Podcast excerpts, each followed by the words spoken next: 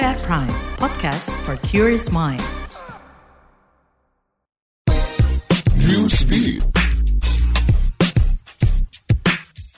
Pemerintah Malaysia menyebut kebakaran hutan dan lahan karhutla di Indonesia jadi penyebab buruknya kualitas udara di negaranya. Direktur Jenderal Departemen Lingkungan Hidup Malaysia, Wan Abdul Latif Wan Jafar, mengatakan kebakaran di wilayah Sumatera hingga Kalimantan jadi sebab polusi udara dan tebalnya kabut asap di negeri jiran. Melansir IFP, diperkirakan ada 52 titik api di Sumatera dan 264 titik api di Kalimantan. Meski begitu, Menteri Lingkungan Hidup Indonesia Siti Nurbaya membantah tuduhan tersebut. Siti mengatakan tidak ada asap lintas negara saat ini. Lebih lanjut, Siti menerangkan pihaknya terus menindak perusahaan-perusahaan yang menjadi pemicu kebakaran hutan.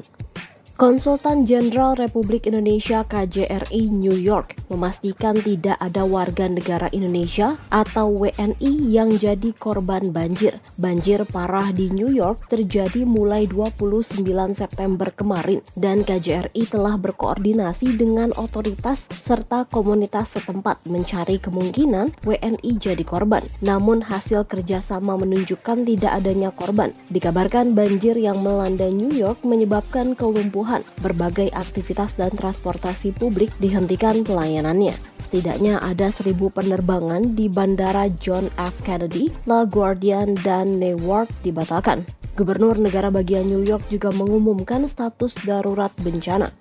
Member boyband asal Korea Selatan Jungkook BTS merilis lagu bertajuk 3D. Di lagu kali ini, Jungkook menggandeng rapper Jack Harlow. Lagu 3D diproduksi Blood Pop, seorang yang pernah mengerjakan lagu dari penyanyi kenamaan seperti Justin Bieber dan Lady Gaga. Jungkook mengatakan lagu ini akan menunjukkan sisi baru dirinya. Member termuda BTS memprediksi fansnya bakal menyukai lagu 3D tanpa disadari. Lagu bertajuk 3D dikeluarkan beberapa bulan setelah single Seven yang berhasil memuncaki berbagai tanggal lagu internasional.